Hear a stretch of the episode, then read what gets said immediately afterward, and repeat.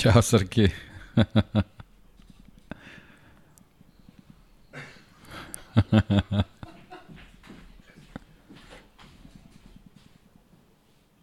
ovde je baš onako uzbudljivo i svašta se dešava i mi smo morali danas da se organizujemo, ovo je bukvalno istorijski dan u, u Moto Grand Prix-u. E, ja vam želim pre svega lep dan, mazite se i pazite se, vodite računa jednim drugima, budite dobri generalno. Evo danas smo imali priliku da vidimo da čujemo mnogo toga i da, da vidimo kako se ponašaju čelnici u nekim situacijama u kojima bi trebalo da budu možda malo nežniji, da ne kažem otvoreni za komunikaciju i tim povodom želim pre svega kažem ljudi, ajmo da budemo dobri, što je bolje moguće i da idemo otvoreno guma i ono što je glavna tema današnjeg Lab 76 koji će biti sprint izdanje iz očiglednih razloga. M će ovde pasti mrak, M će me vratno izbaciti iz uh, gostujuće komentatorske kabine, tu su kolegi iza koje pretpostavljam da nisu znali da će biti danas u Lab 76, ali tu su i iz te perspektive dobrodošli. Izdanje 224 za one koji eventualno ne znaju, danas je dan istorije i hvala Deki što si ti bio suzdržaniji od mene ja sam napisao kraj Grand Prix trkanje za naslov, Deki rekao, čekaj Srki, malo je grubo, ali toliko me potreslo i samo kao kratak uvod do 2023. godine Dorna, FIM, IRTA, objasnit ćemo ko je ko i ko je šta u celoj toj priči, uvode sprint trke za svaku trku u sledeće godine u šampionatu sveta Moto Grand Prix klase, Moto trojki, Moto dvojki i Moto E su izuzeti od toga, sprint u subotu, glavna trka u nedelju, ali trenutno kako stoje stvari, 50% od prilike dužine klasične trke će biti voženo u subotu popodne od 15.00, dodeljivaće se od 12 poena do 1 poena za vodećih 9 vozača i smatraće se Grand Prix pobedom. I to je moj najveći problem sa time i zašto sam napisao kraj Grand Prix trkanja, jer deki time ispravim koliko grešim, ali velika nagrada je najveće priznanje koje može jedan vozač da dobije, a sada dolazimo u situaciju za 50% manje trke i truda dobit ćeš istu nagradu.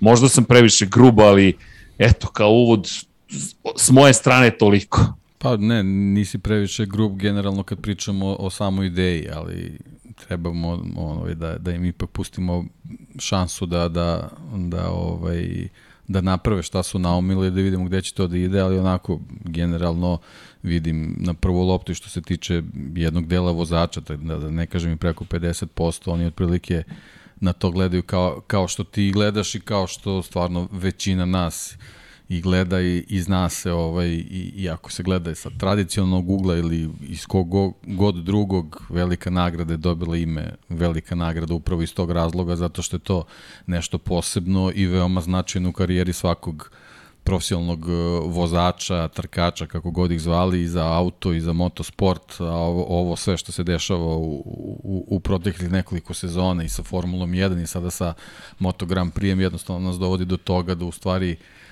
ne trebamo više toliko da razmišljamo samo o, o takmičenju, nego očigledno da, da, da novac ulazi u, u sve te pore i da posebno posle, po, po, posle čitave situacije sa, sa COVID-om i, i onim restrikcijama koje smo imali, jednostavno neko dolazi do zaključka da možda ni publika, ni, ni sami akteri nisu toliko bitni, već, već su bitne te korporacije koje vode čitavu priču, njihovi profiti i tako dalje i tako dalje. Ja to samo samo tako vidim. Apsolutno uh, ne ulazim u, u, u detalje vezanje za takmičenje, jer to je meni prosto nešto što što baš kao što si rekao kreće u neku novu eru. Sad dalje kraj vidjet ćemo, ali neka nova era takmičenja kreće u Formuli 1 je već krenulo jednostavno neka ranija dostignuća su, su apsolutno precrtana zato što je sad ta, sad ta neka, ovaj, neki kvantitet i u stvari izašao na scenu i, i on je taj koji diktira čitavu priču. Ali samim tim, ako imamo 20 i nešto trka koliko imamo, pa puta dva, to je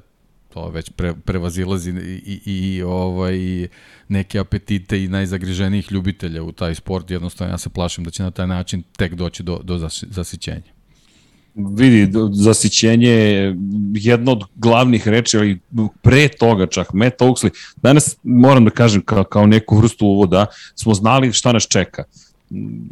Jorge Viegas, dakle, čovjek koji vodi Međunarodnu motorističku federaciju, zajedno sa FIM, zajedno sa čelnikom Dorne, španske kompanije koja je vlasnica komercijalnih prava, izvršenim direktorom kompanije Carmelom Espaletom sedi i čeka nas Hervé Poncharal, čovjek koji predvodi IRTU, International Racing Team Association, dakle udruženje trkačkih timova, koje treba da predstavlja timove I Carmelo Espeleta koji pravi klasičan uvod, govori o tome da smo se okupili zato što ima važne vesti koje će predočiti zapravo Viegas, koji je predsednik FIMA. FIM se mnogo malo pita, čisto da se razumemo odmah, i FIM je prodao svoja prava 1992. Da, godine. FIM je organizator takmičenja, to je, Tako je. to. Je to. Tako je, a prava su prodali Dorni da. i pandan Bernija Eklestona u Moto Grand Prix je Carmelo Espeleta. Obično je Espeleta vrlo tih, staložen, miran kada je reč o javnim nastupima. Međutim, šta se dešava? Samo da mahnem ovde kolegama koji me gledaju šta radim. Dakle, šta se dešava? Dešava se da imamo situaciju u kojoj Carmelo Espeleta prepušta reč Viegasu. Viegas koji objašnjava da, kao što ste čuli, što je meni frapantno, iz društvenih, sa društvenih mreža, ovde smo se okupili da bismo pričali o sprint trkama. Ha, ha, ha. To je komentar. I sad počinje sa jednom tonom, jednim tonom koji je potpuno za mene neodgovarajući za situaciju u kojoj se nalazimo. Deki, ja moram da insistiram na tome, možda sam dosadan, ali ovo je bukvalno istorijski dan.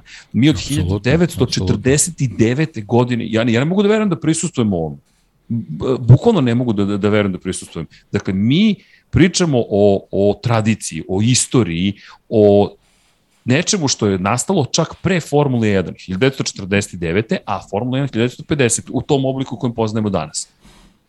Giacomo Agostini se smatra najvećim svih vremena po brojevima. 15 titula, 122 pobjede. Valentino Rossi drugi na tom spisku sa 115 pobjeda ima 9 titula, 13 titula inače ima Angel Nieto, 12 plus 1, kako je volao da govori, pošto je bio sujeveran. I onda dolaze praktično svi ostali. Samo dva čoveka u istoriji su zabeležila preko 100 pobjeda, pri čemu, uz dužno poštovanje prema velikom Agu, ali Ago je mogao da vozi istoga dana dve kategorije, mogu i više, ali dve minimum mogao da vozi i to i činio.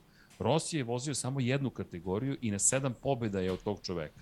Sada dolazimo u situaciju da mi dupliramo broj trka, iako ta druga trka ne traje isto kao ova klasična trka i kažemo to i dalje velika nagrada. I sad, ja se osjećam prevareno. Zašto? Kroz celu karijeru koja traje 27 godina sada, mi pričamo o tim neverovatnim brojevima. Koliko je teško zabeležiti jedan triumf. Rossi ih ima 115. Mark Marquez ih ima 82 u trenutnom formatu. I sad ćemo doći u situaciju, će sutra neko to da obriše verovatno i kaže, pa, to su nova vremena. Teško mi da prihvatim da su toliko nova vremena. Slažem se, treba da idu nova vremena. Evo naš kolega koji ima mnogo više kosa od mene, ali seđe kosa od mene iz Italije, kaže, nemam problem sa sprint trkama, ali smo se vojica složili u, po, u, po istom pitanju, ne može da se računa kao velika nagrada. I banalizuje se sport. Pritom, Carmelo Espeleta, izvinjam se za dugo uvod, izgovara, ja, moj posao nije da ja pričam sa vozačima. To je posao timova, Mene razumem, Dorni nije posao priča s vozačima, a onda je na naše kolegu iz Švajcarske počeo da urla manje više, kada je rekao da je vozači predlažu sindikat. I rekao je, ne, to ti predlažeš sindikat, pa ih onda to pitaš, pa onda oni hoće sindikat. Niko nije meni rekao da hoće sindikat. Kaže, pa da li, meni su rekli. To su tebi rekli. Ako hoće sindikat, neka, neka kažu meni. To što su tebi rekli ništa ne važi. U šoku, deki, kao da slušam tiranina, kao da slušam diktatora, a ne čoveka koji treba da vodi jedan komercijalni entitet kome, koji, de, koji podiže vrednost cele priče. Šok potpuni i postavili smo mnogo pitanja, nismo dobili odgovore. Inače, Vijekas je rekao, svi su rekli neće skočiti troškovi, a onda je Vijekas u jednom trenutku rekao sve će ovo više da nas kosta da vas sve dovedemo češće na trke. Ja kažem, pa sad ste rekli da, da će koštati više, Ponšaral mi kaže, ne, nikad to nismo rekli. I Vjekas kaže, ne, nismo.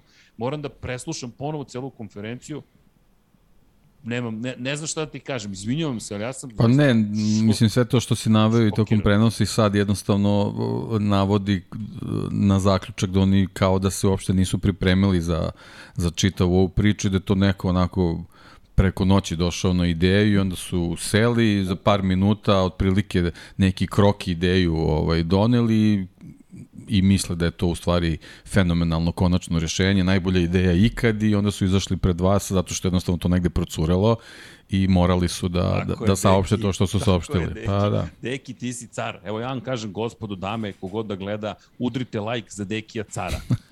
za, bukvalno za Dekija udrite like i udrite subscribe, zato što, evo, podržite i nas. Ljudi, I ovo sad nije nikakva tužna priča, ovo je smelena priča. Ljudi treba da nas podržite. Svaki medij koji pokušava da sazna nešto više. Jer ovo je klasično bilo, nemoj neko da sad priča loše o ovome ili da se buni, čutite. I, I nije ni bitno da li se slažemo ili ne. Ne može tako da se radi posao. To nije način na koji se komunicira. I ono što bi bilo super, ni naše kolege nisu tako lako, lako odustale. Ja sam postavio tri pitanja za kraj manje više i odgovor i dalje čekam u suštini. Mi dalje čekamo neke od odgovora. Ali šta sam htio da kažem? Šta je rekao Simon Peterson je ustanovio šta? Juče su timovima svim rekli. Juče su saopštili šefovima timova. I odmah je procurela vest. I lepo si rekao, procurela vest. I danas, juče je sazvana konferencija za medije. Ovo nije planirana konferencija za medije. Ovo su sazvali kada su čuli da se proširio glas o tome da će biti zapravo sprint trka i da se vozači bune. I ovo je delovalo kao ni klasični moment, imamo udruženi front i kogod kaže nešto negativno o ome, bit ćemo vrlo ili agresivni ili ćemo da izbegavamo odgovore. I manje više smo to dobili, što je potpuno pogrešno. Niko od nas nije neprijatelj, ni Sporta, ni Dorne, nego smo samo hteli da čujemo ljudi, kako ste odlučili da promenite ne format, nego ceo sport preko noći, na osnovu ankete koja je online održana pre dva meseca. Ja ja sam frapiran. Od 92. ti imaš uspon, ovako ide vrtoglav rast Moto Grand Prix-a, ne samo dolaskom Valentina Rosija, on se tek pojačao dolaskom Valentina Rosija, koji je došao u pravom trenutku na pravo mesto, iskoristio priliku.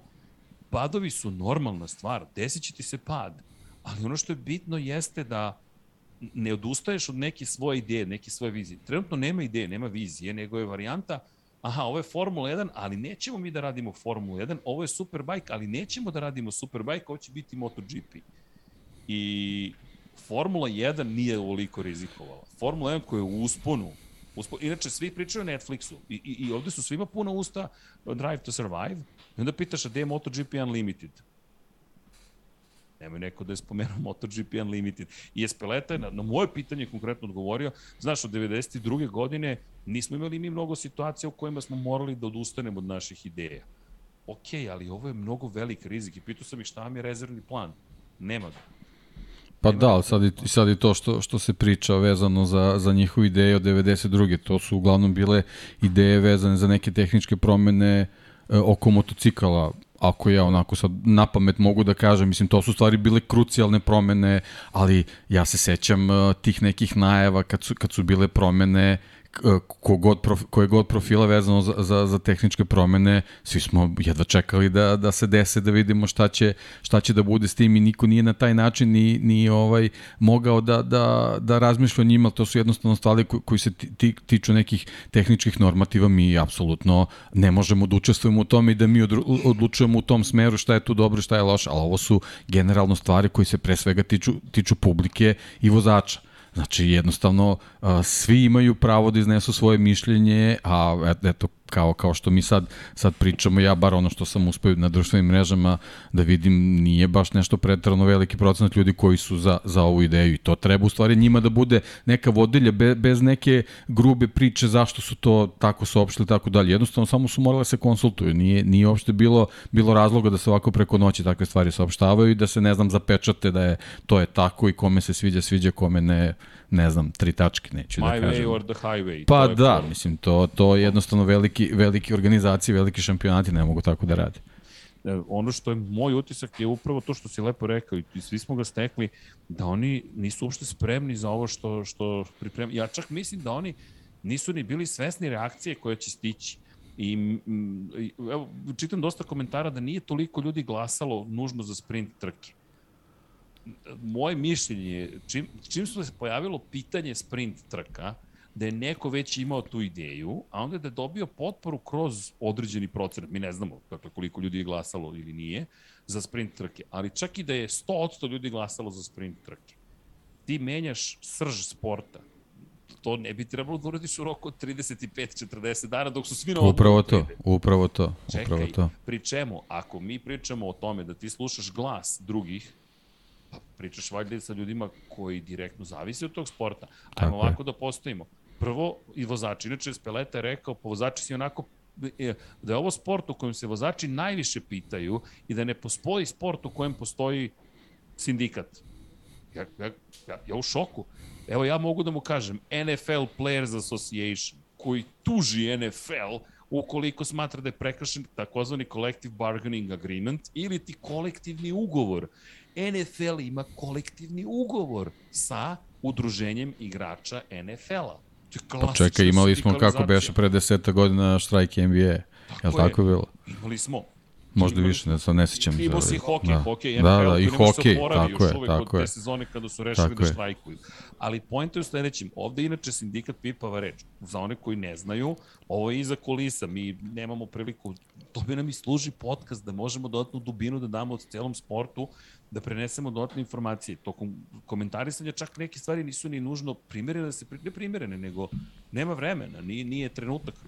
Ponekad se ukaže prilika, ali Dorna ima probleme u kontekstu sindikalizacije tehničkog odeljenja čisto da, da, da se razumemo, sad uz dužno poštovanje svakom drugom sportu, ovo nije poređenje ko je veći sport ili ima više zaposlenih, ali tehnički sprovesti u delo prenos automoto sporta je možda najzahtevniji prenos nekog sportskog događaja koji postoji na planeti Zemlji.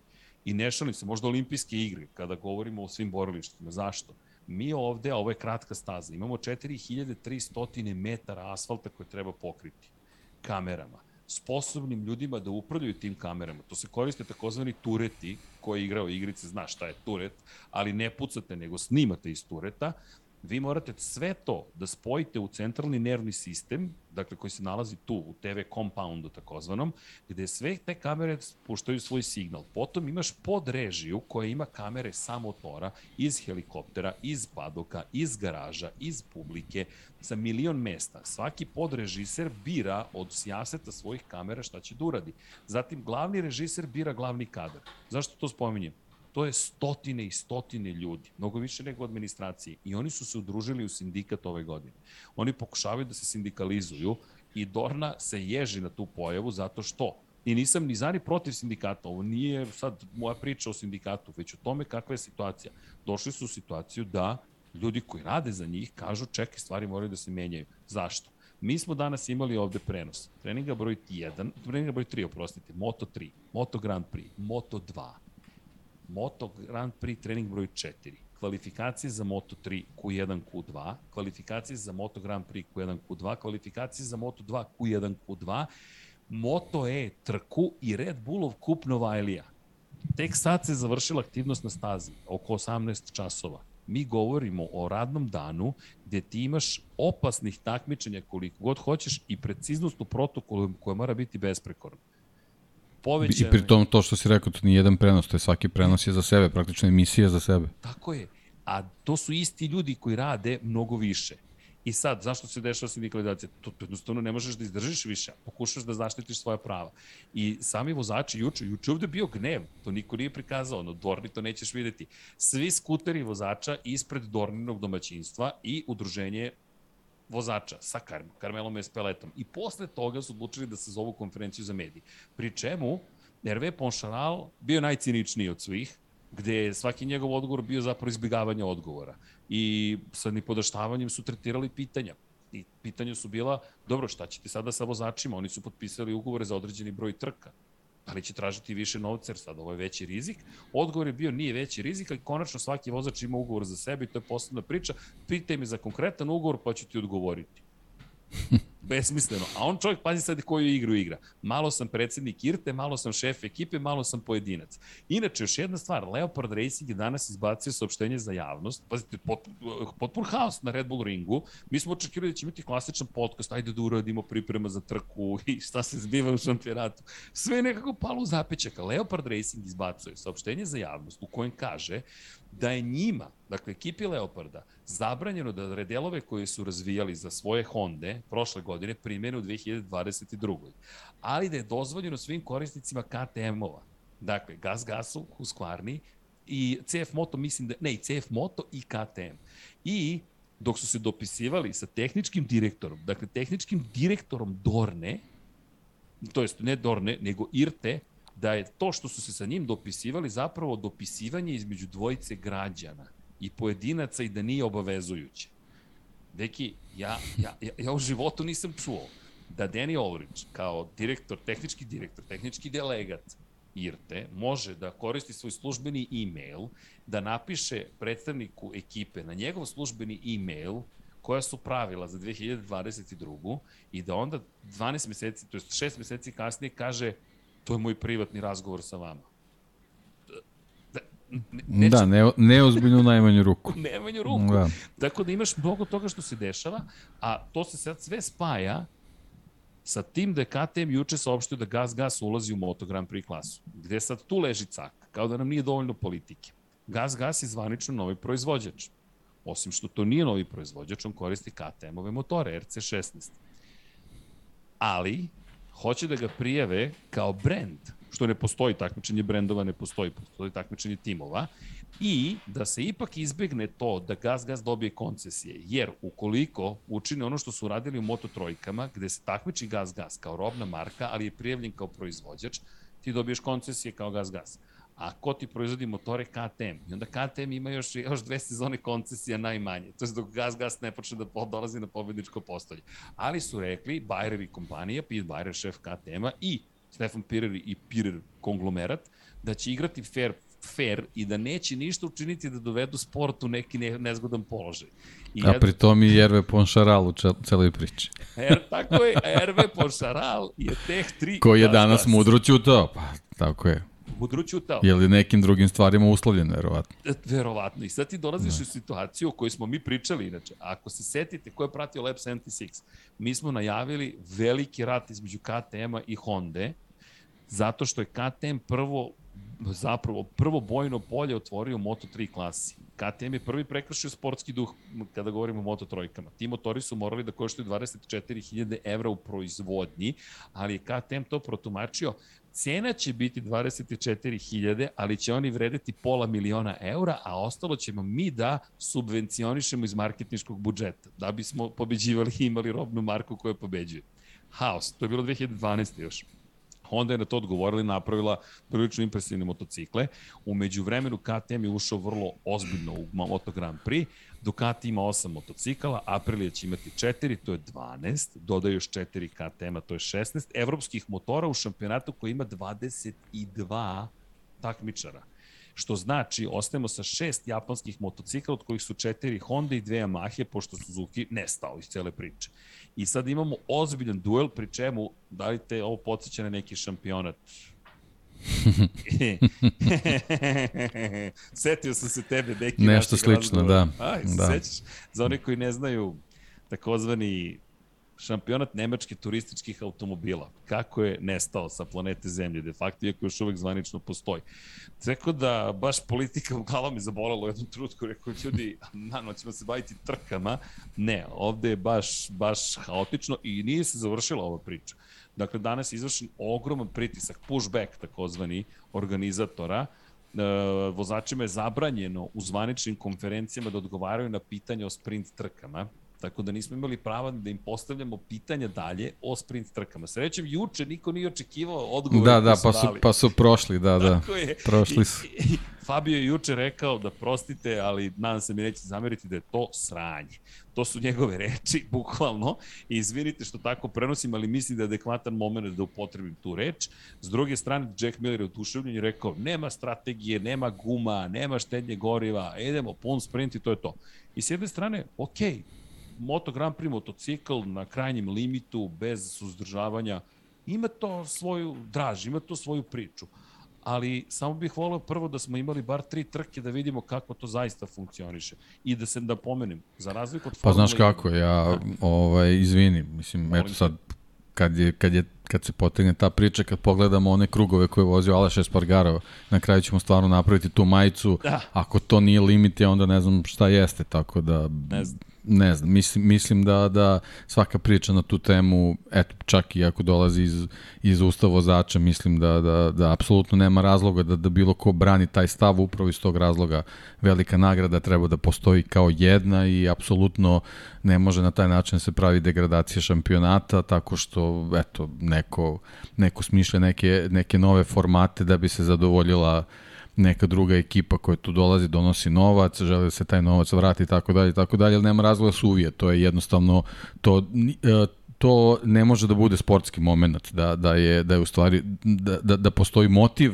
koji donosi taj novi sportski moment kao što je još jedan trka za vikend. Jednostavno, ja, ja ne, ne mogu da se složim s tim nikako. Vidi, mi imamo, svi sad prave poređenje sa, sa Superbajkom, svetskim šampionatom u Superbajku, ali ja mislim da su to neuporedive stvari. Samo Absolut. zato što nešto ima dva točka ne znači da je Moto Grand Prix ili samo zato što nešto ima četiri točka ne znači da je Formula 1. Formula 1 je Formula 1, Indikar je Indikar, ajde da napravim to poređenje. Indikar je spektakularan, apsolutno spektakularan, ali nije Formula 1. Moto Grand Prix je Formula 1 dvotočkaša. I Grand pa, Prix znaš kako, je... Indikar je gotovo pa kup takmičenja.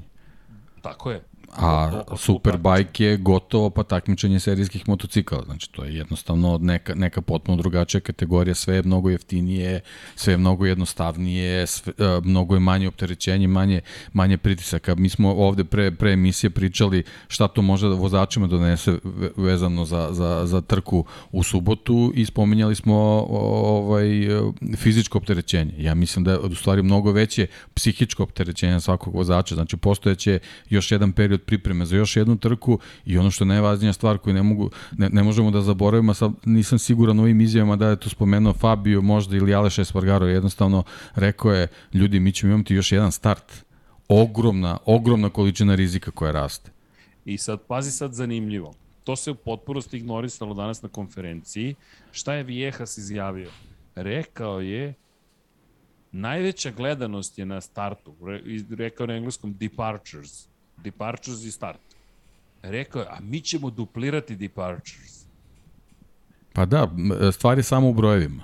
Ja, ja ovaj, šta god da radim u životu, najviše se ježim ovaj, od toga kad krenu sa brojevima. To je u stvari eh, glavno zlo i ovog vremena i jednostavno to je ono što je što se desilo sa Formulom 1 i evo prenosi se na, na sport koji po meni, ponovit ću, apsolutno nema nikakve veze uh, sa Formulom 1, od, osim što su perjanice u Tako nekim je. svojim kategorijama. To je, to je jedina veza između tada sporta. Kada pričaš o brojevima, ja bih samo do, dodao, do, zloupotrebe brojeva je problem. Tako je. Brojevi sami po sebi, da, pomažu nam, daju nam, daju nam mogućnost kao podatak da stvorimo određenu informaciju. Ali kada to postane dezinformacija ili zloupotreba informacije, jer brojeve tako lako tumačiti. Evo vidiš, ovo je korelacija pa kauzalnost i korelacija nisu isto. To, to, kogod se bavi statističkom analizom zna o čemu govorim. Uzrok i korelacija nisu nužno povezani. Evo ovde se desilo. U nekim, na, u nekim situacijama nije ni bitno koja je kauzalnost. Mi samo znamo da x proizvodi y. Ali, to ne znači da oni znaju kakav će biti Y. I zato sam ih pitao, ljudi, kak, koji je rezervni plan? Jer ja uvek u životu planiram najgore, nadam se najboljim. Dosta jednostavna filozofija. Nema, nema rezervnog plana. Raspeleta, samo što je izgovorio, pa ćemo ponovo. Ja se vraćam na MotoGP Unlimited ono što mislim da je veliki problem za Dornu. Jer Dorna se poziva da, na to da smo mi zapravo zastareli i da smo mi zaostali u vremenu i čući se sigurno boomer kao izraz dosta ali to nije istina i to nije tačno. Kada pričamo o izmenama koje je Dorna primenila, najveće, inače pozivali su se, pazi sad ovo, setite se 2003. kaže Ponšaral, kada je Carmelo rekao da se više nikad nećemo trkati na Suzuki ukoliko ne uklone zid gde je poginuo da je Giro Kato. Mnogi su rekli kako će popustiti Carmelo pred Hondom pre svega, nije to izgovorio, ali pred, pred velikanima, i to se nije desilo. I razmišljam, čekaj, da li si upravo uporedio pogibiju jednog čoveka sa time da menjate kompletan šampionat i, i nečim što je stravičan događaj, pored toga rekao je i Carmelo rekao, eto kad smo prešli sa dvotaktaša na četvorotaktaša, mnogi su se mnogi su bili skeptični, ali je sve prošlo kako treba. Pa to je dokaz da će ovo da prođe kako treba. Ne razumem. Znaš, neki, ja sam 2003. radio nešto mnogo pametno i sad kad uradim nešto drugo 2022. to će dalje biti pametno. Ne, pa to su, to su bukvalno odgovori gde, gde možemo samo dođemo do zaključka da su uopšte nisu pripremili za, za odbranu svog projekta. Bukvalno. Mislim, očigledno da oni smatruju da nemaju potrebe pre bilo tako kim je. to da brane, ali vreme će pokazati da jednostavno ne može tako. Sećaš se one, one uh, kako bih rekao, jednostrane odluke Bernie Ecclestona da duplira bodove na poslednjoj trci Formula 1. Pa kako je to prošlo? Ej, e, to sam rekao. Te, te stvari ne mogu na taj način da, da, da se I, ovaj, dovodu u korelaciju nikako. Izvini, bukvalno sam to izgovorio danas u razgovoru sa kolegama koji su ovde. Rekao, ljudi, znaš kako, ali deki carsi, Dakle, ovo će da se, pa jesi, ovo će da se završi, znaš kako će se završi? Kao i taj eksperiment sa duplim bodovima. Ono što je problem jeste ukoliko oni, inače u ovom momentu gledam poslednju trku Valentina Rosija na MotoGP TV, to se vrti u pozadini. To, to ima najveću vezu sa svim ovim što se događa. A to je ono što niko neće da izgovori. Šta se desilo? Ko je najveći krivac za ovo što se dešava? Valentino Rossi. I da pojasnim kako Dva razloga. Prvo, bio je toliko uspešan i popularan u onome što je radio i ne govorimo samo o vožnji motocikla, već ono što je Deki objasnio. Direktor marketinga globalni Moto Grand Prix je bio Valentino Rossi i on je otišao.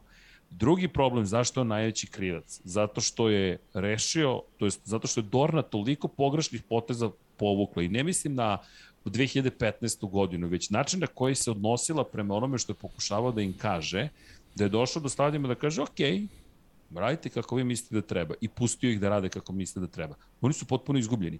Njima nije jasno zašto je prodato samo 50% karata na Red Bull ringu, jer ovde bi trebalo da se sjati cela istočna Evropa, ovde bi trebalo svi da dođemo, svi treba da budu prisutni ovde. Formula 1 je rasprodala tribine za tili čas. Šta se događa? I onda počinju da povlaču ove panične poteze.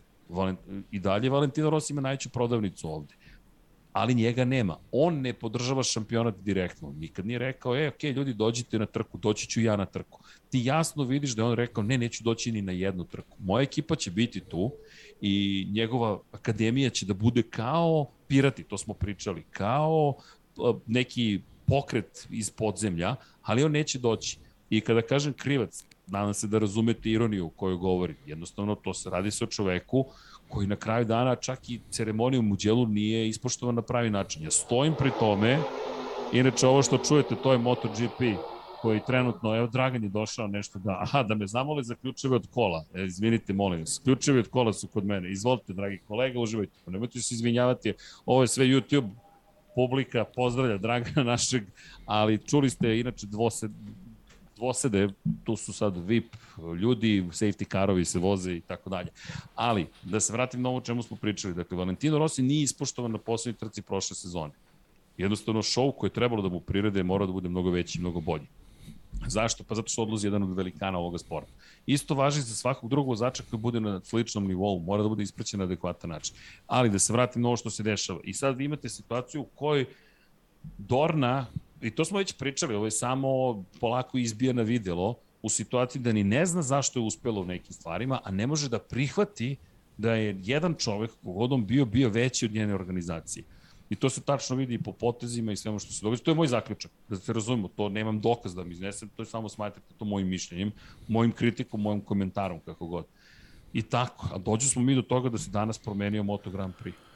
Pa ne, mislim, promena, promena će definitivno slediti, mislim da to ne može, ne može da se promeni i da je proces, proces počeo, počeo samo što, eto, apsolutno imamo pravo kao, kao ljudi koji, eto, ja, ja ono stvarno već malte ne četiri decenije pratim ovaj šampionat i, i, i kroz sve te neke situacije ovaj, u kojima sam mogu da budem ili bliže ili dalje čitavoj priči, jednostavno mislim da, da, da to nije, nije dobar put, pre svega zbog, zbog ono, jednostavno broj, broja trka. Mislim da, da, da su to, to neke stvari koje su u, u ranijim periodima kad je bilo manje trka jednostavno dovodile do toga da, da, da su ljudima podiže želje za tim šampionatom i, i žele da, bude de, da budu deo toga i, i, da, i da ga prate. Ovako jednostavno dolaziš u, u, neku, u neku situaciju da ćeš jednostavno u, u 11 meseci godišnje imati priliku da, da ovaj, pratiš te trke sad ne, ne, ne čak ni jednog dana tokom vikenda, nego, nego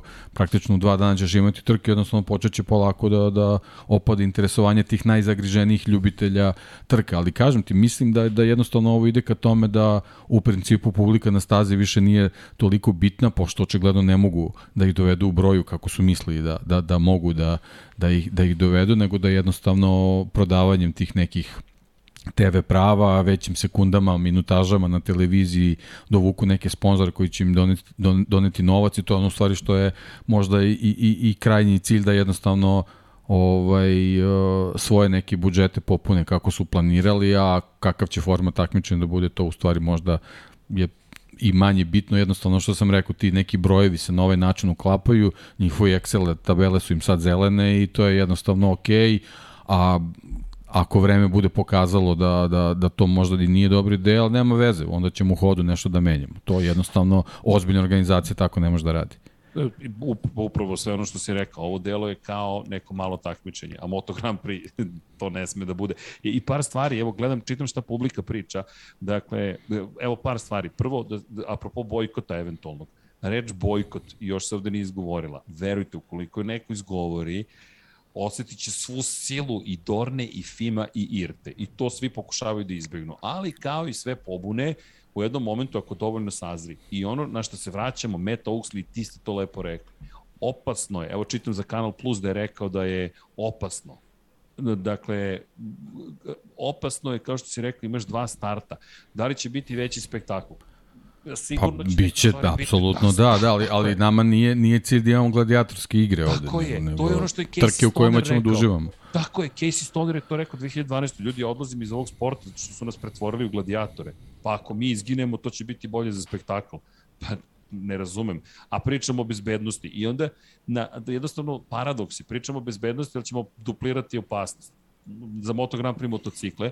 Ima tu još jedna stvar, evo Ognjen koji spominje kako možete da poredite Formula 1 i Moto Grand Prix. Vrlo je jednostavno. Moto Grand Prix je prodavao ulaznice na skoro svim trkama do pre pet godina. Formula 1 je imala poluprazne tribine najveća kritika koju Moto Grand Prix dobio je upravo sada da neko napiše da je Formula 1 10 puta zanimljivija i da ne mogu da se porede. A Formula 1 se godinama mučila da napravi spektakl koji je dovoljno zanimljiv i privuče publiku na stadion, to jest na prelepe staze i uspela je u tome. A sad odjedno Moto Grand Prix ulazi u situacije da kaže čekajte, mi ovo ne možemo, ne, ne možemo da prodamo u momentu kada Formula 1 rasprode, sada su prodate neki od tribina u Mađarsku. Sada pa da, ali evo, evo baš, baš to sad kad si spomenuo, pa da, da, da se držimo toga. Formula 1 je spektakl a Moto Grand Prix je svoj kvalitet držao na trkama i dalje.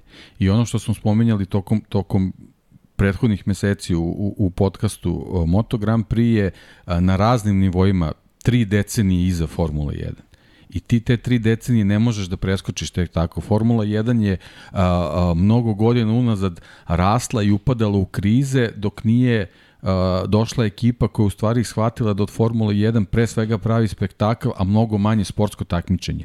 Nekoliko vozača koji su se pojavili u Formuli 1 u ovom trenutku taj spektakl drže na nivou na kojem drže. A Moto Grand Prix je došao u situaciju da ima uh, vozače da je bukvalno gotovo čitav grid može da se bori za pobedu i ti u ovom trenutku nemaš zvezde koje bi mogli da podržavaju taj spektakl. Znači potpuno su drugačiji pogledi uh, uh, jednog i drugog šampionata da bi ti kao neko ko vodi Moto Grand Prix trebalo se ugledaš na Formula 1 kažeš e ovo, ovaj recept je prošao kroz njih sad ćemo mi to isto u našoj kuhinji da skuvamo. To jednostavno ne može tako da se gleda i niko i ne porodi Formulu 1 i Moto Grand Prix na bilo koji način da bi stavio znake jednakosti, nego poredimo upravo iz razloga gde treba da se vidi da, da su to potpuno ono diametralno suprotne stvari, da jednostavno uh, suština funkcionisanja Formule 1 nije ista kao funkcionisanje Moto Grand Prix-a. Spomenuo si te prenose.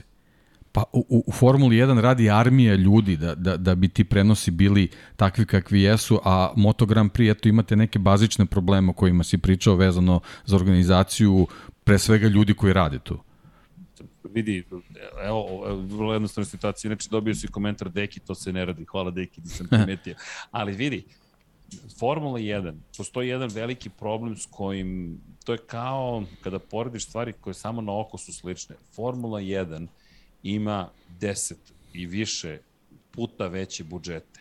Mi, I to silom prilika, budžeti bi bili mnogostruko veći u timovima, u, kod timova, a novac koji se vrti je beskonačno veći u ovom trenutku i uvek će biti, uvek je bio u Formuli 1 teško je da ti kažeš mi ćemo da primenimo ono što radi Formula 1 tek tako. Pri čemu nije samo u novcu.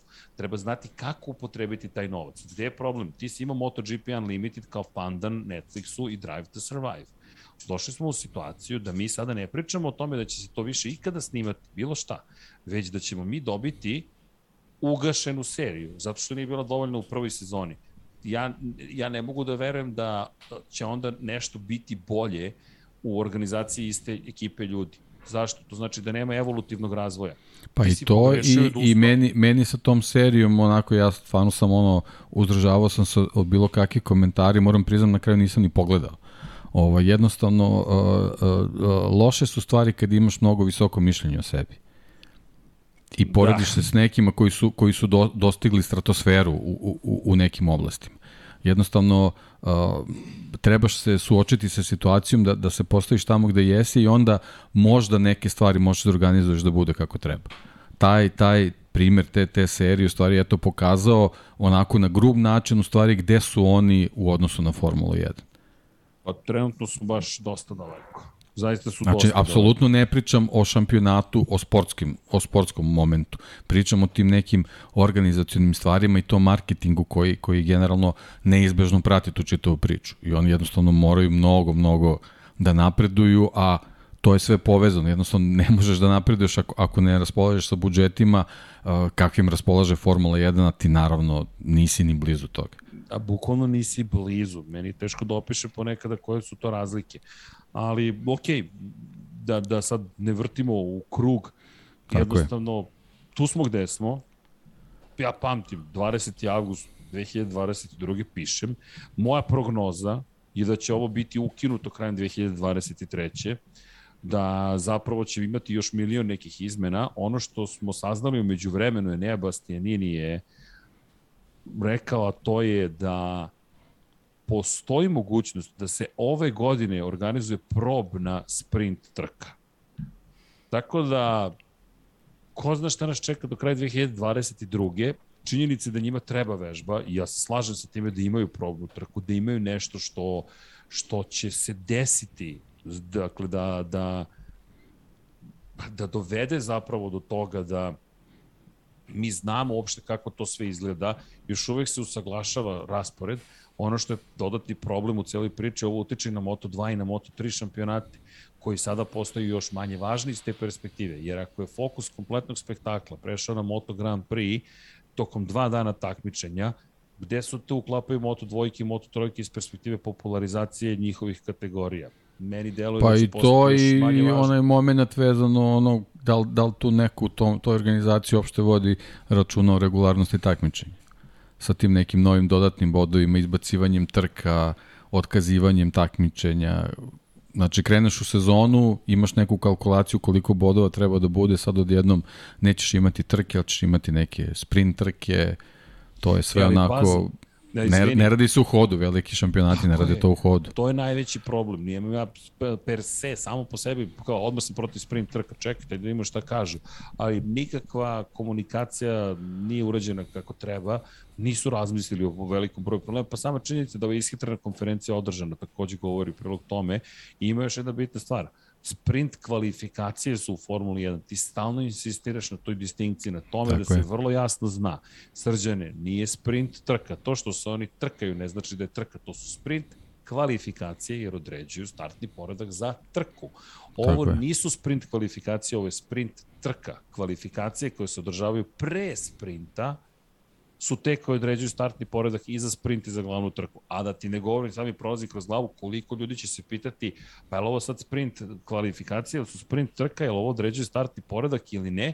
I onda je nešto što generalno nema neku pretaranu konfuziju, će da ubaciti konfuziju. Držim palčeve. Ja, ja, iskreno, nadam se da grešim. Nadam se da će ovo biti no, naravno, najbolja da. stvar koja se ikada desila Moto Grand Prix, ali ja ne vidim koncept u kojem će ljudi sada odjednom naći dodatno vreme samo zato što je sprint trka u pitanju. I još jedna napomena, i to je bilo u nekim od komentara, a to je zapravo kada je reč o, o, o, o sprintu, padneš u subotu i šta ćemo sad? A šanse rastu u trci da ćeš pasti.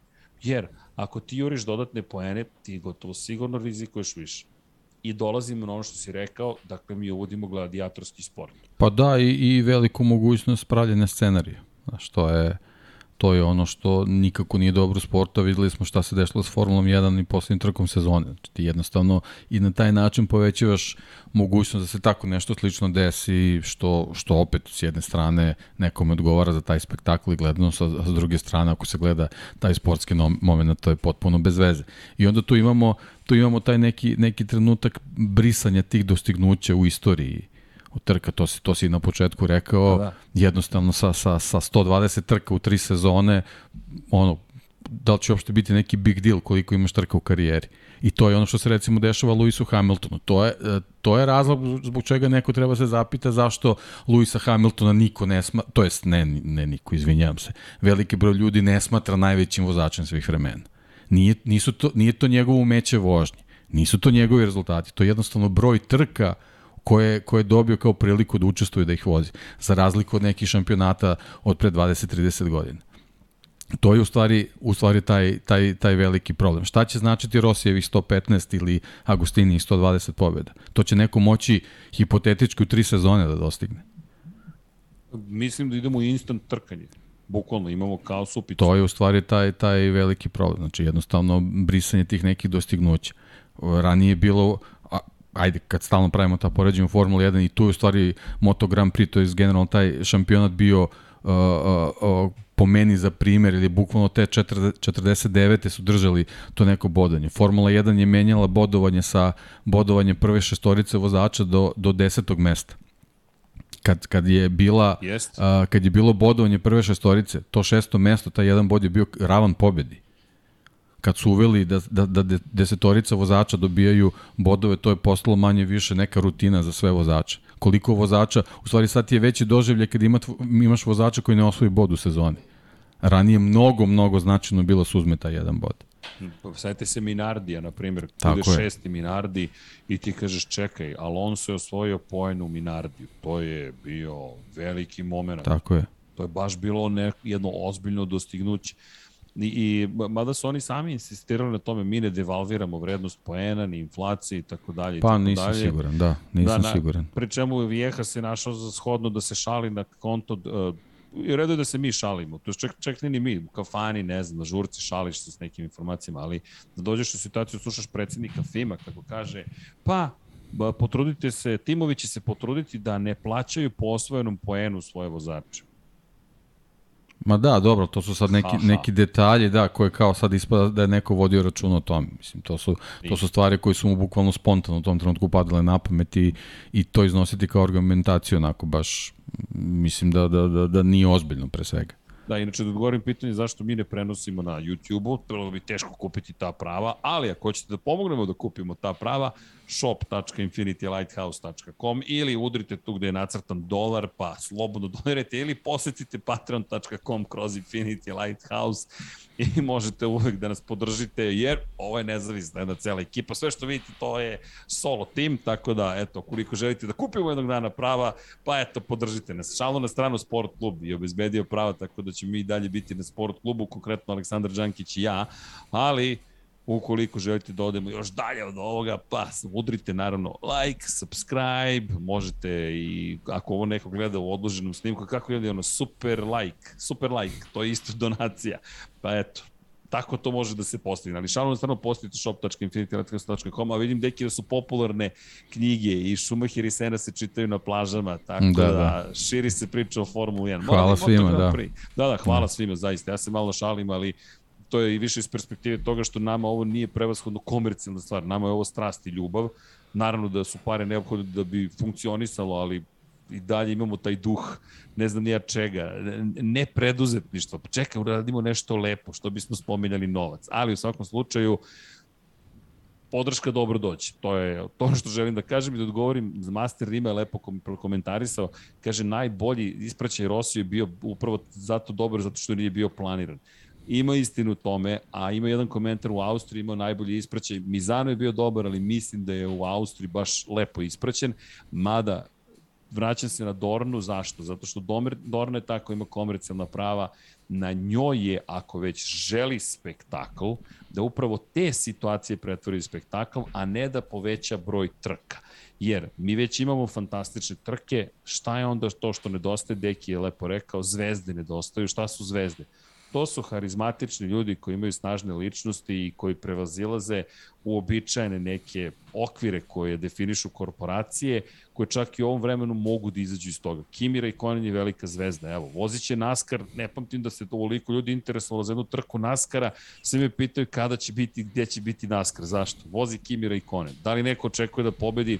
Ne nužno ali vozi Kimi Raikkonen, to je emotivna veza i to je ono što ne možete tek tako da stvorite, ali morate da pokušate da je stvorite. I mislim da je tu rešenje da, da se prosto vozači još više poistovete s publikom. Dorna navodno ima plan da celu ovu priču proširi još više. Sledeće godine planiraju da se skoro sve trke završavaju Moto Grand Prix trkama i to jeste jedan od problema toliko su uveli dodatnih takmičenja, Red Bullov kup Novajlija, Moto E, Moto 2 i tako dalje. Tu smo i mi komentarisali u Asenu, da publika ne može da izađe i da pozdravi najbolje vozače sveta tako što siđe podno pobedničkog postolja i aplaudira i prosto digne graju na jedan, na jedan neverovatan nivo. Tako da toga su svesni da treba da promeri, to mi se dopada. Već planiraju organizovane invazije staza, to mi je malo banalizacija emocija, ali ok, sve u redu. Tako da Dorna pokušava, pa ajde, vidjet ćemo sledeće godine. Ja se nadam da ja se iskreno nadam da će ovo biti nešto što je najbolje što se desilo, a evo gledam tako komentare. Tako je, nećemo da budemo skeptici. Tako da. je, tako je.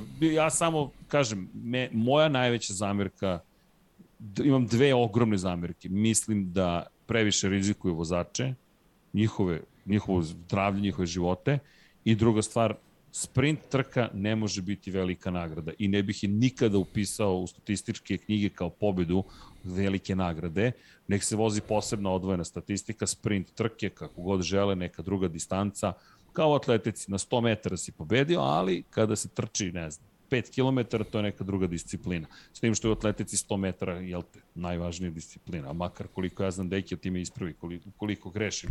Kada je reč o tome šta Radit ćemo podcast o tome, pa ćemo o tome. Da pričati. Dogovoreno. A nisu me izbacili sa, sa, sa Red Bull ringa, da, moram priznati da mi nije bilo sve da rekao, ako me sad istere da morat će Junkie sam da radi. No, dobro, menja, menja se blenda sad, tako da sad ćeš još malo da... još malo. Ne, ne, ne, da, da izbaci sa Red Bull ringa. To, da, da, da, za da, pitanja da. koje postavljam, ali to, da. to, je, to je moj posao. Ne, nema bežanja, ne, nećemo ustuknuti zato što su to moćnici. Ne, jednostavno, to je naš posao, to je posao medija, da postavljamo teška pitanja i da kažemo ljudi, ne slažemo se s time, to ne znači da smo mi u pravu, ali ne, da ne postoji mogućnost foruma javnog i kritičkog razmišljanja i, i, i komentarisanja i komuniciranja, to je ozbiljan problem. I ja mislim da je to nazadovanje jednog sporta i društva u samim tim i mi ćemo nastaviti da postavimo teška pitanja dok god budemo u prilici. Pa sad, dok će to biti, ko to zna. Ali držite nam palčeve i držite nam palčeve da ćemo uspeti nešto da promenimo. Moram da ti kažem da sam ponosan. Viejas je rekao, ok, tvoj predlog će biti uzet u razmatranje da ovo ne bude Grand Prix. Okay. Je zapisao negde? Ili? Ne, nije, nisam vidio papir i ovako nigde. Onda okej. Okay. Ali imam Bio je fin, da. Ne, ne, ne, čekam ja sad RVA Ponšarala, pošto je rekao da nisam dobro čuo, rekao, ok, čim mi neko kaže nisi to dobro razumeo, obično znači da sam veoma dobro razumeo, pa ću da preslušam celu konferenciju, pa ću ponovo kod RVA i kažem, evo, je, evo ga transkript, rekli ste da će biti skuplje. Verujem da mi će izbeći odgovor, ali to je moj posao opet da postavim to pitanje. Tako da spremamo se za, za teška pitanja i tako dalje. Elem, kaže Bojan Markov, evo ga onaj problematični što stalno smara s pitanjem i nosi broj 76. Samo da znate, deki, moram da ti se pohvalim. Tražili su mi kolege naše u medija centru da im donese majice Lab 76. Ja sam rekao, možete ih kupiti, izvozimo ih na shop.infinitylighthouse.com Cijena prava sitnica, pričam ih 18-19 eura koliko je, ali, ali, ali da, ima tu raznih vesti, svašta smo radili ovde, bili smo vredni, ne stižem baš da se javim na društvenim mrežama, ali smo bili vredni, tako da nadam se da, da, da, da, da, da će stvarno biti ipak jedan lep dan na kraju za MotoGP, držimo palčeve, ali morate reći da sam ovde nekako u kontaktu s Formulom 1, tu je RB6, tu su neki bolidi Scuderia Toro Rosso i tako, lepo je u svakom slučaju i predivna je staza, toplo preporučujem svakome ko eventualno nije bio na Red Bull ringu, ako jeste da znate o čemu pričam, ja mislim da bolji medijski centar u životu nisam video, organizacija je besprekorna i nije samo pitanje novca. M. Austrija kao država veoma dobro organizovana i vidiš da Dietrich Matešić voli trkanje. I kada imaš milijardera koji voli trkanje, to daje neke ozbiljne, monumentalne rezultate, mogu ti reći. Sad znam kako bih se ja igrao, deki, tako da znaš, ono, što mi želimo, to, to ovaj čovjek definitivno radi, ima svoje, celu svoju stazu, lepa zabava. I da govorim Amiru, gde je Hasan? Hasan radi. Inače, Hasan, Fernando Alonso je prisutan, e, tu je sa, sa svojom lepšom polovinom, bio je u garaži Aprilije, pokušat ćemo da dođemo do njega, ali sumnjam da ćemo uspeti, ipak je VIP, gost VIP VIPova, ali ko zna, Hasan inače se pozdravio sa Alonsom, tako da je to bilo lepo, pošto se znaju iz Formule 1 i, i to je isto lep moment gde je Alonso zapravo mahnuo Hasanu i, i pozirao de facto, pošto kada vidite da se vozač smeje u kameru, to znači da je profesionalan i da pomaže fotoreporteru određeno da uradi najbolji mogući posao. Tako da Fernando Alonso baš je džentlmen danas bio i kad je video Hasana bilo je mnogo simpatično. Ćao, čao, otkud ti? Evo, malo se radi. tako da je lep, dirljive scene, moram priznati. I tako. Deki, što se tiče ostalih stvari, ne bih ja nešto previše širio priču, bit će sjajnih trka, moram i da idem u 7.06, moram da budem u Spielbergu, dakle, sastajemo se. Dokle će traje okupljanje? Nemam predstavu, ljudi, do kada će da traje okupljanje, s obzirom na činjenicu da to, ko može da isplanira okupljanje ljubitelja Moto Grand Prix-a? dok god bude zanimljivo traće, to je sve što mogu da vam kažem. Tako da ako znate nekoga, ne znam tačno kako se zove mesto, ali odoh tu u blizinu, pa eto, nadam se da me neće uhoditi kiša do Špilberga i da i da ćemo se lepo zabaviti. Moram da uzmem skuter od Hasana. Vozali smo se ovde po okolini. Super. Ništa, onda šta vidimo se u sredu, ili tako? Da, vidimo se u sredu, a iz, jel možete molim vas da sačekate, kaže Vanja Dušanović. Ma sačekat ćemo Vanja, nema nikakvih problema, samo se javi, stižete za sat i po Vanja, čekam vas ja, bez, možda ja stignem za sat i po kako sam krenuo, tako da polako. Ali da, ovde inače, samo da napomenem što se tiče trkanja Enea Bastianini, ok, pol pozicija, ali nije pol pozicija samo. Prva je u karijeri u Moto Grand Prix, ono što je druga stvar, bio je najbrži u četiri, Ducati izgledaju moćno, inače 7 sekundi sporiji krugovi u odnosu na prethodne godine u Moto Grand Prix-u. U Moto dvojkama Ajo gura opasno deluje i odjednom pojava Marka Markeza nekako pala u senku, ali Mark Marquez je ozbiljnu kritiku iznao na račun Honda, došao i rekao da je projekat u problemu, nije motocikl, što je veća kritika od toga da je rekao da je motocikl loš, prosto je rekao Hondinom menadžmentu vi ste loše organizovani. Možemo da uvijamo u salatu celu priču, ali nema uvijanja. Bukvalno je rekao mora komunikacija da bude bolja. Nisam ja čovjek koji to treba da unapredi. To je vratno mislio ali... Dorni, ali ne sme da kaže. Tako je. Tako da, da, biće, biće zaista zanimljivih ovih šest meseci pred nama u Moto Grand Prix iz različitih razloga, ali verujem da će zaista biti sjajno. A u Moto dvojkama, kažem, Ajo Gura, u Moto je imali smo pad Matija Kasadeja, dobro je. Imali smo ružan pad sad u Red Bullom kupu Novajla medicinsko osoblje, bilo na stazi po završetku trke, tako da to moram da da saznam da li sve u redu sa klincima. I Moto trojke, hajde da vidimo, Denis Fođa i kompanija, da li nešto mogu da učine, da, da li, da li će da li će uspeti Leopard Racing rukavice su bačene, ušli su u, u fight sa KTM-om na KTM-ovoj stazi. Dakle, idem da i da pojurim Kotura, da vidim šta ima da nam kaže, nikako da sedemo da vidimo, ali bili su baš u gužbi oko, oko tog saopštenja. Tako da, da, da, da, da treba sad prikupiti sve informacije i ne zamerite ljudi što je Lab 76 u ovo doba vanredno, ali ja se nadam da ste zadovoljni što ga ima i što pričamo o istorijskim nekim stvarima. Hajde da sačekamo ne znam ni ja šta, valjda tu probam. Pa stalno smo se žalili kako za vreme pauze nema ovaj, to, nikakvih to, vesti iz Moto Grand Prix, pa eto oni su odlučili da i kad ima trka bude vesti, da malo su ovaj, termine pobrkali, ali nema veze.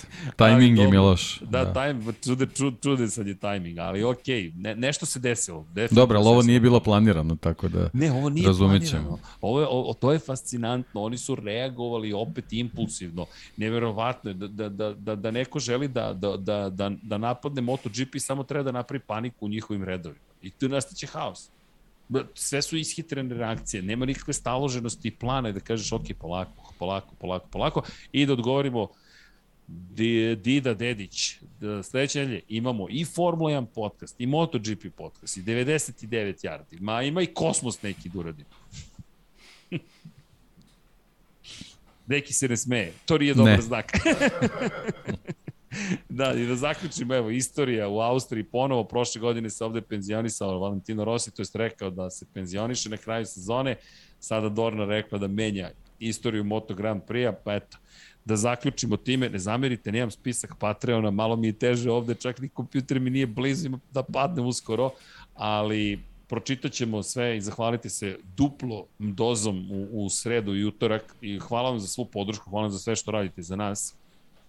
I da odgovorim eto još jedno samo pitanje Ognjena Radivojevića, da, video sam zašto su obrisali krug Aleša Espargara, ali to smo već toliko puta rekli, ti kontakti sa zelenom površinom, da, i sam se Aleš nasmeo, ali ajde da, da završimo na pozitivnoj noti. Ljudi, volimo MotoGP, da citiram Dejana Potkonjaka, rekao je vrlo jednostavno, crki da se ne lažemo, mi ćemo i dalje gledati Moto Grand Prix, samim tim naslov mora da bude optimističniji ja ću ga verovatno zauvek gledati i samim tim ajmo da budemo doza optimizma.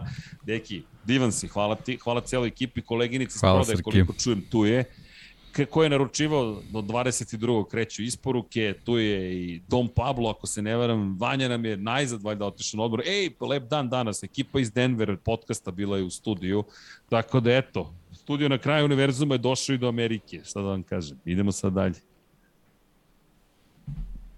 Kosmos. Kos, tako je, deki. Tako je, deki. I u to ime, ja vas pozdravljam, šaljem poljubce, mazite se i pazite se, uradite nešto lepo danas, pozitivno, izjavite nekom ljubav koga volite, to su lepe stvari. Udrite like, udrite subscribe, podržite Dekija. Šalim se, podržite sve nas svakako i, i hvala još jednom što ste se svi skupili u subotu veče. Mi sad idemo da se nađemo sa ekipom u Špilbergu. Ljudi, ja vas pozdravljam i Deki. Uživajte. Hoćemo, hoćemo ono naše na 3, može, 2, 1. Može. 3, 2, 1. Ćao svima. Ćao svima.